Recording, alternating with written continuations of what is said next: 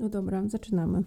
Mam notatki. W tym odcinku chciałabym rozpocząć nową serię podcastu o tym, jak żyć etycznie. Taka nazwa też pojawiła się właśnie ostatnio na kanale. Dlaczego? Myślę, że związane jest to z tym, że żyjemy w świecie, gdzie, gdzie ta roślina jest już na tyle popularna, że nie potrzeba nam chyba zbyt wielu orędowników. Mamy takie kampanie jak Rośliniejemy czy Vegan Challenge, do którego możecie się zgłosić. Mamy bardzo dużo blogów, które mówią nam o tym, jak jeść dobrze, zdrowo i przede wszystkim nie nudno na diecie roślinnej. Produkty związane z tą dietą są już prawie wszędzie dostępne, nawet w Biedronce czy w Lidlu, a także w mniejszych sieciach, małych miejscowościach. Bardzo długo zastanawiałam się, w jakim kierunku dalej zmierzać, bo bardzo dawno temu już wypadłam z mówienia o weganizmie jako diecie, a bardziej wpadłam w rozmowy o moralności, stoicyzmie czy etyce. Nasze życie na wsi mocno połączone jest także z etycznym życiem, dlatego ten podcast będzie szedł w tym kierunku. Słuchacie podcastu Hodowli Słów o etycznym życiu, zwierzętach i ucieczce z miasta na wieś. Ja nazywam się Rachela. A ja nazywam się Krystyna. Zapraszamy do kolejnego odcinka.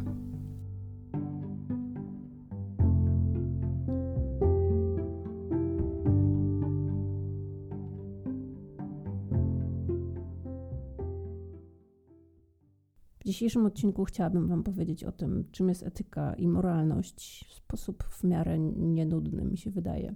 A także o tym, dlaczego powinniśmy najpierw zadbać o siebie, zanim zadbamy o innych, dlaczego etyka nie powinna być poświęceniem nas samych. W ten oto sposób rozpoczynamy nową serię podcastu Hodowli Słów o tym, jak żyć etycznie.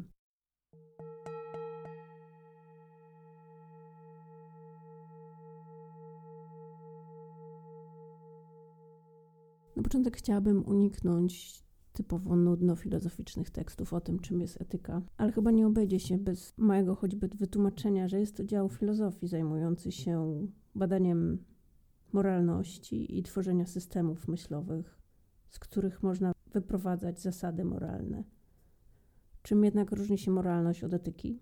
Moralność to jest właśnie ten zbiór zasad i reguł postępowania, jak dekalog, jak konkretne przepisy. Nie zabijaj na przykład.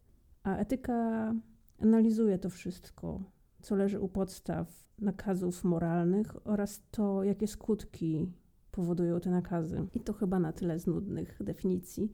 Nawet czytając je, czułam, że jest to coś zbyt suchego, jak na opis tego, o czym chcę mówić. Studiując też filozofię w poprzednich latach, jako element uzupełniający moich studiów, byłam zafascynowana, ale przerażał mnie ogrom teorii i niepojęcie tych wszystkich nurtów naraz. Dlatego chciałabym Wam jakoś w miarę prosto, przyjaźnie opowiedzieć o tym, jak moglibyśmy żyć etycznie, jak być dobrym człowiekiem i co za tym wszystkim idzie, jak dbać o nas samych, o naszych bliskich, nie tylko bliskich, a także o innych ludzi na tej planecie, a przede wszystkim dla mnie, jak dbać o zwierzęta.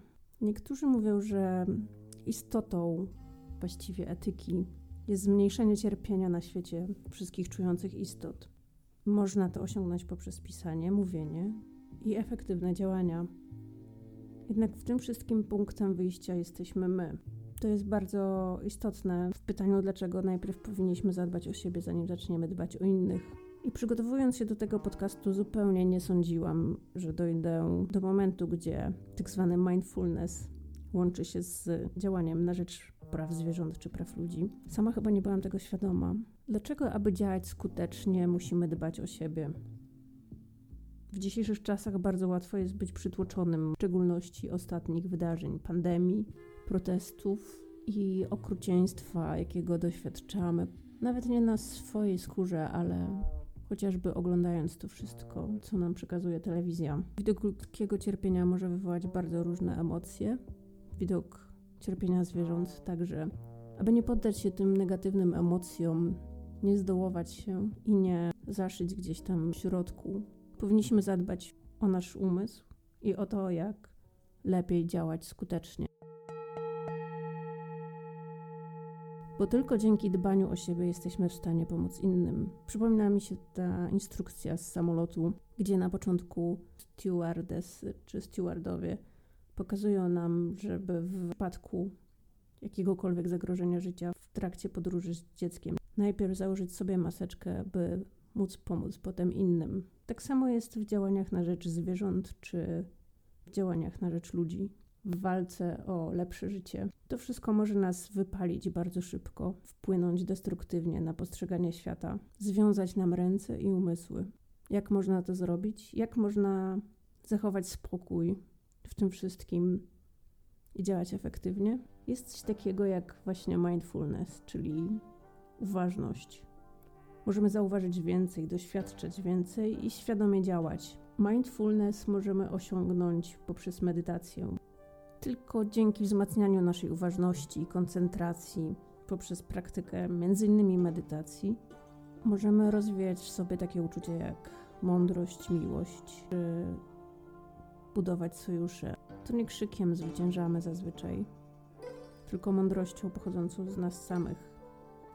Aby to wszystko osiągnąć i aby być spokojnym, musimy skupić się czasami tylko na sobie. I nie mam tu na myśli egoistycznego podejścia do siebie, do skupiania się tylko na sobie, wręcz przeciwnie, spróbowania otwarcia swojego umysłu, osiągnięcia stoickiego spokoju i pracowania nad swoją uważnością, która pomaga nam potem w pracy dla innych. Aby odnaleźć etyczne życie, możemy podjąć drogę duchową, czyli medytacji. Jest ona jedną z najlepszych dróg odnajdywania świadomego i etycznego życia. Ale są także inne praktyki. Możemy przemawiać. Mowa i słowa są tak ważne i mają tak wielką siłę, że mogą dać ukojenie i komfort. Jak mówił Buddha, najważniejsze słowa w etyce to te, które są prawdziwe i pomocne. I każdego dnia powinniśmy starać się mówić prawdę. Ale nie prawdę typu masz ładną sukienkę albo wyglądasz czyli bustę dobrze, ale prawdę, która pomaga nam żyć lepiej, prawdę, która jest pomocna, ponieważ mowa jest niesamowitą i kreatywną siłą, mocą, która może zmienić ten świat. Drugim sposobem jest to, jak się zachowujemy. No i tu powinniśmy starać się w każdy sposób być spokojnymi, wręcz stoickimi osobami bo tylko spokój nas jest w stanie uratować w dobie kryzysu.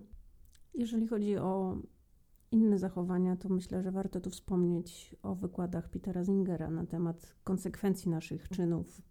I przypominają mi się tu takie słowa, które można określić jako esencję buddyzmu.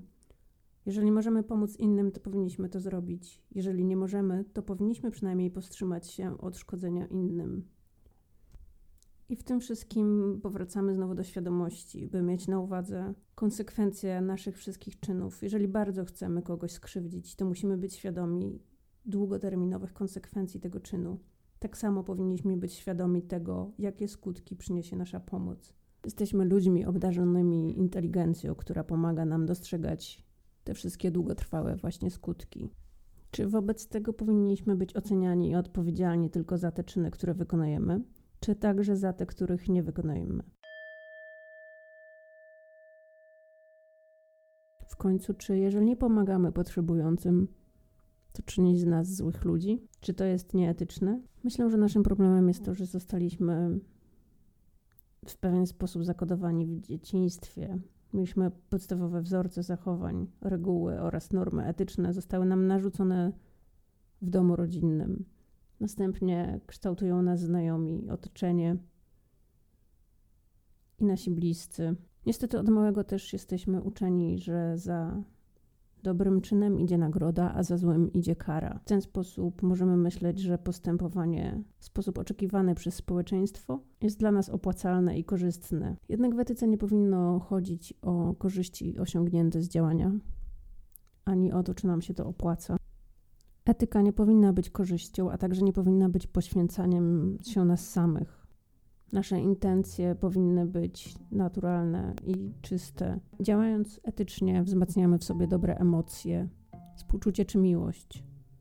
Z kolei działając nieetycznie, wzmacniamy negatywne emocje i bolesne odczucia, jak zazdrość, cierpienie, nienawiść. Wracając do Petera Zingera, który bardzo obrazowo wiele razy ukazywał problem etyczności wyborów oraz problem tego, jak być dobrymi ludźmi. Na przykładzie dziecka potrąconego w Chinach na ulicy przez ciężarówkę, które potem leżało i właściwie ludzie przychodzący obok nie zwracali na nie uwagi. To wydarzenie rozpętało burzę na temat tego, jakimi jesteśmy ludźmi i kim się staliśmy w dzisiejszym świecie, że nie zwracamy na dziecko, które umarło właśnie na ulicy. Ale Peter Zinger porusza w tym momencie także motyw, o którym niewielu z nas w danym momencie myśli. Bo oczywiście każdy z nas, prawdopodobnie znajdując się w tej sytuacji, pomógłby temu dziecku, bo jesteśmy świadkami tego wydarzenia, bo jesteśmy blisko. Ale czy jeżeli nie widzimy i nie spotkamy na naszej drodze cierpiących dzieci, to znaczy, że im nie pomożemy? Czy z etycznego punktu widzenia naprawdę jest tu jakaś różnica pomiędzy tym dzieckiem, które jest tu i teraz przed nami, a tymi dziećmi, które są na przykład gdzieś w Afryce, które każdego dnia umierają obok nas, a my ich nie widzimy? Któremu z tych dzieci chętniej byście pomogli? Bo dla mnie sprawa jest oczywista, że życie etyczne polega właśnie na pomaganiu jak najefektywniej nie tylko tu najbliżej nas, ale właśnie tym dzieciom, o których nikt już nie pamięta, i tym zwierzętom, których już dzisiaj nie widzimy, tym zwierzętom zamkniętym w murowanych halach, bez okien, bez dostępu do światła i wody. Nie zapominajmy o tym, że etyczne życie to nie tylko pomoc najbliższym, to nie tylko pomoc psom i kotom. I tu przechodzimy właśnie do pytania, czy stojąc w obliczu 6 milionów umierających dzieci, pomożemy im? Jest na to bardzo wiele skutecznych sposobów, które nie wymagają od nas zbyt wielkiego zaangażowania. Wielu z nas może powiedzieć, że to jest problem Afryki, ale to tak jakby powiedzieć, że problem koronawirusa to problem Chin. Bo w pewnym momencie kolejna epidemia eboli czy wirusa, którego nie znamy, może przyjść także do nas i to będzie wtedy nasz problem. Ale my możemy już dziś zrobić coś, aby pomóc tam, gdzie ta pomoc jest najbardziej potrzebna. W przypadku dzieci w Afryce jest to problem dość okrutny, którego nie jestem w stanie do dziś sobie nie tyle zwizualizować, co nie, nie, nie jestem w stanie uwierzyć w to, że w XXI wieku Miliony dzieci tak naprawdę umierają nadal z powodu malarii, z powodu rozwolnienia, które prowadzi do wykończenia organizmu, a najprostszym sposobem na zapobieganie tym śmierciom jest dostarczenie czystej wody do picia, wody do podstawowej higieny, czy choćby pomoc w zakupieniu moskitier, które uchronią pięć osób danego domostwa. Możecie to zrobić wspierając na przykład organizację Against Malaria Foundation. I właśnie w tym momencie chciałabym Wam polecić stronę Giving Well, na której dowiecie się, gdzie najlepiej przekazać swoje środki finansowe. I nie mówię tu o kwotach tysiąca złotych, bo niektórzy chyba mają takie wyobrażenie, że aby pomóc, to trzeba mieć dużo pieniędzy. Wystarczy choćby zacząć od 1% przekazywanego ze swoich dochodów danej organizacji. 5 zł każdego miesiąca. To naprawdę zmienia rzeczywistość wielu ludzi na świecie. Choć nam wydaje się, że to jest nic, to naprawdę możemy zrobić coś dobrego. I dochodzimy w ten sposób do pytania, jak żyć etycznie. Zacytuję tu jeszcze kawałek eseju w obronie zwierząt pod redakcją Petera Zingera. Ci, którzy sądzą, że moralność opiera się na umowie społecznej, twierdzą, że jest to brak zdolności do odwzajemniania. Etyka, mówią, powstaje na bazie argumentacji: jeśli ja ciebie nie krzywdzę, to ty mi również nie wyrządzasz szkody. Ponieważ zwierzęta nie mogą wziąć udziału w tej mowie, nie mamy w stosunku do nich żadnych bezpośrednich zobowiązań. Trudność w takim podejściu do etyki polega na tym, że oznacza ono, iż nie mamy też bezpośrednich zobowiązań w stosunku do małych dzieci czy przyszłych, jeszcze nienarodzonych pokoleń. Jeśli wyprodukujemy odpady radioaktywne, które będą zabójcze przez tysiąc lat, to czy postępujemy nieetycznie? umieszczając je w pojemniku, który przetrwa 150 lat i wyrzucając do najbliższego jeziora? Jeśli odpowiedź brzmi tak, oznacza to, że podstawą etyki nie może być zdolność odwzajemniania. Już wiemy, czym jest etyczne postępowanie. Najprostsze zasady to chociażby zmniejszenie śladu węglowego. To znaczy mniej więcej tyle, abyśmy dbali o swoją planetę, abyśmy robili wszystko, co zatrzyma wzrost emisji gazów cieplarnianych. Najprostszym oczywiście sposobem jest niejedzenie mięsa, ale jeżeli nie jesteście w stanie tego zrobić, to chociażby redukcja posiłków mięsnych ma już wielkie znaczenie, ponieważ hodowla przemysłowa, już wiele razy mówiłam, jest jedną z największych przyczyn wzrostu emisji gazów cieplarnianych. Zaraz po tym możemy opowiedzieć o transporcie, co możemy zrobić jako osoby, które chcą żyć etycznie. Jeździć mniej autem, przesiąść się na transport publiczny, używać roweru, chodzić na pieszo tam, gdzie możemy. Znam wiele osób, które do najbliższego sklepu jadą autem, choć spacer zająłby im jakieś 15 minut. Postarajmy się także zużywać mniej energii. Nie musimy mieć zapalonych wszędzie świateł. To są takie głupie zasady, które wydają nam się logiczne, a jednak czasami o nich zapominamy. Czy naprawdę musimy myć na przykład swoje auto co tydzień? Czy naprawdę musimy, nie wiem, może musimy myć traktor? Mam sąsiada, który zużywa naprawdę hektolitry wody na mycie swoich maszyn. Ale wydaje mi się, że najważniejszym punktem jest prowadzenie zmian w swojej diecie, bo dieta roślinna jest sposobem na zmniejszenie emisji gazów cieplarnianych, nawet jeżeli wybierzecie soję, która tak bardzo jest negatywnie postrzegana przez wszystkich. Co to znaczy żyć etycznie? Co znaczy pomagać efektywnie? Wydaje mi się, że mało z nas wie, z jakimi zasadami się tu kierować. Jeżeli jesteście zainteresowani, to jest na ten temat bardzo wiele wykładów na YouTubie pochodzących z TEDxa.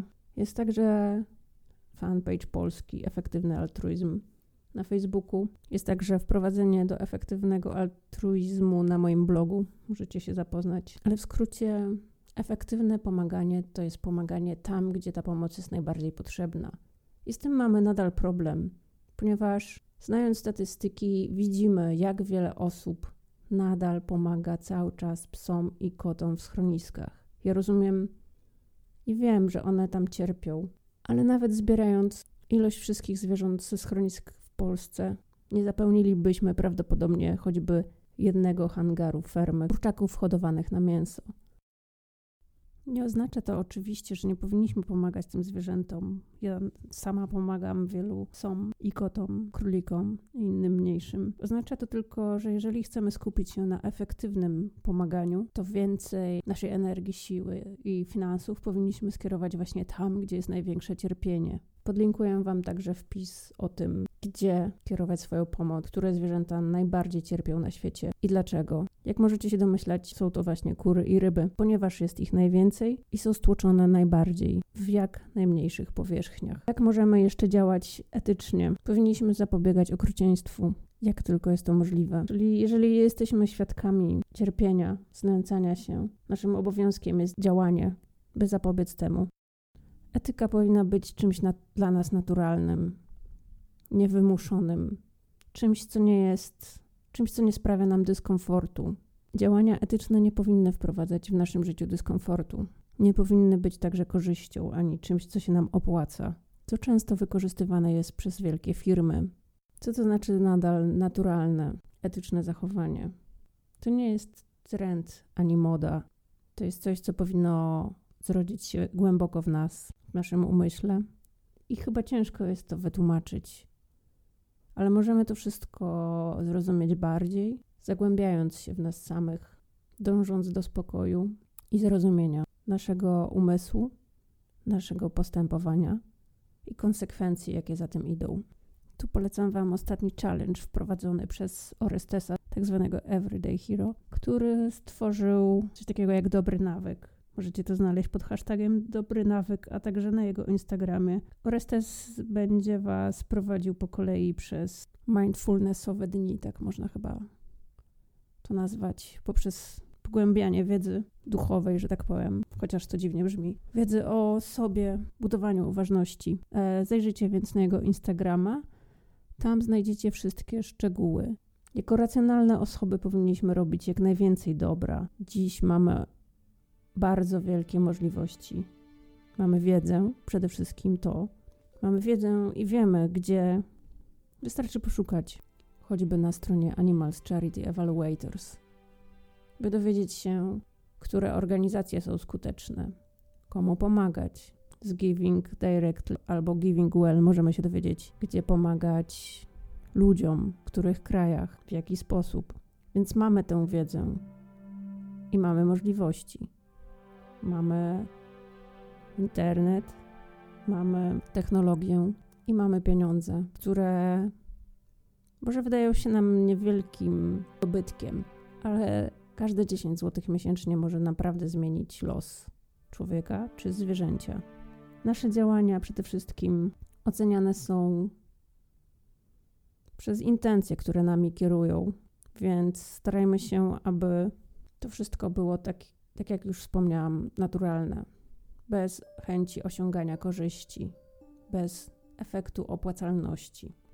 Oczywiście są przypadki, kiedy nie jesteśmy w stanie pomóc, bo nie mamy tych pieniędzy. Wtedy możemy zrobić zupełnie inne działania. Nie musimy wydawać naszych ostatnich oszczędności na pomaganie innym, ale możemy chociażby właśnie zredukować posiłki mięsne w swojej diecie.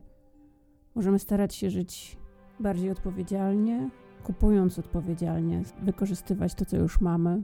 Najlepiej wtedy po prostu zmienić swoje nawyki żywieniowe, jeżeli możemy. Dieta roślinna jest dużo tańsza i dużo bardziej odpowiedzialna, co za tym idzie etyczna. To wszystko możemy zrozumieć, zagłębiając się w efektywny altruizm. Podsumowując, wiemy, czym jest etyka, wiemy, czym jest moralność. Wiemy, że powinniśmy dbać o siebie, aby móc pomagać innym. To od naszego spokoju i uważności, koncentracji, naszej tak zwanej mocy, którą posiadamy, zarówno za pomocą słowa, a także zachowania, dzięki naszym umysłom, które są otwarte i gotowe do efektywnego pomagania, możemy zmieniać ten świat. Etyka nie powinna być poświęceniem, tak zwanym sacrifice. To jest bardzo dobre słowo w ogóle. Polski odpowiednik zupełnie mi się z tym nie kojarzy, ale to słowo sacrifice mówi tak wiele. Etyka to powinno być coś naturalnego, coś, co robimy bez chęci osiągania korzyści. Wiemy, jak żyć etycznie. Wiemy, jak możemy swoim zachowaniem, swoją dietą, codziennym działaniem sprawić, aby ten świat był lepszy. Nie tylko dla nas ludzi, ale także dla zwierząt. Doskonale wiemy, jak żyć etycznie. Pytanie jest, czy wystarczy to, że robimy dobro, czy też powinniśmy zastanowić się, czy etycznym jest to, czego nie robimy. Moim zdaniem, to, czego nie robimy, jest także dla nas punktem wyjścia. Musimy zrozumieć, jak działać, by niwelować okrucieństwo, by pomagać innym, by być, by być lepszą osobą, by czynić dobro. Życie etyczne zaczyna się od nas samych. I następne odcinki, mam nadzieję, nie będą już takie wymyślne, można by tak powiedzieć, suchoteoretyczne kolejnych odcinkach opowiem o paru książkach, które pomagają żyć etycznie, które pomagają zwrócić uwagę na konkretne problemy, które uświadamiają, gdzie leżą te problemy i jak jako społeczeństwo się zagubiliśmy na przestrzeni wieków. Ale także opowiemy Wam z Krysią prawdopodobnie o naszym prostym życiu na wsi, które jest życiem etycznym. W takim prostym, codziennym życiu Każdego dnia mamy wybór. Już to jest takie zabawne trochę, ale nawet sąsiedzi się mnie pytają, czy jak mam. Miałam ostatnio problem z pszczołami murarkami, które postanowiły przez wszelkie szpary w domu dostać się do środka. Skończyłyśmy z tym, że było ich około 60 w pokoju. Pierwsze pytanie sąsiada, czy chcesz się ich pozbyć, czy chcesz tylko je odgonić. I to dało mi do myślenia, że nasz sposób życia wpływa na to, jak inni postrzegają możliwe etyczne działania że zastanowią się, czy warto zabić te zwierzęta, w tym przypadku te owady, czy tak chcemy się ich szybko pozbyć, czy może istnieje sposób, który jest bardziej etyczny, który nie zaszkodzi ani nam, ani tym zwierzętom. I takiego życia właśnie sobie życzyłam. Życia, w którym świadomie podejmuję decyzję o tym, jak nie przysparzać cierpienia innym. I wiem, że nie jestem w tym doskonała jeszcze. I wiem, że popełniam wiele błędów. Wiem, że mogę krzywdzić innych ludzi swoim zachowaniem, swoim mówieniem, swoją mową, choćby swoimi wpisami na blogu. Ok, to by było na tyle w tym odcinku. Oczywiście trochę się pogubiłam, choć miałam przygotowane notatki. Bardzo mnie ciekawi, co myślicie o nowej serii Jak żyć etycznie. Dajcie mi znać w komentarzach albo piszcie maile. Uwielbiam maile od Was. Chciałabym kontynuować ten podcast w takiej formie na ten czas, chociaż wiem, że mam wiele takich pomysłów i potem po prostu zaprzestaję je kontynuować. Wynika to raczej z tego, że odbiór może być nieadekwatny do mojego zaangażowania, a jednak chciałabym, aby społeczność, do której trafiam, angażowała się w idee, które szerzę.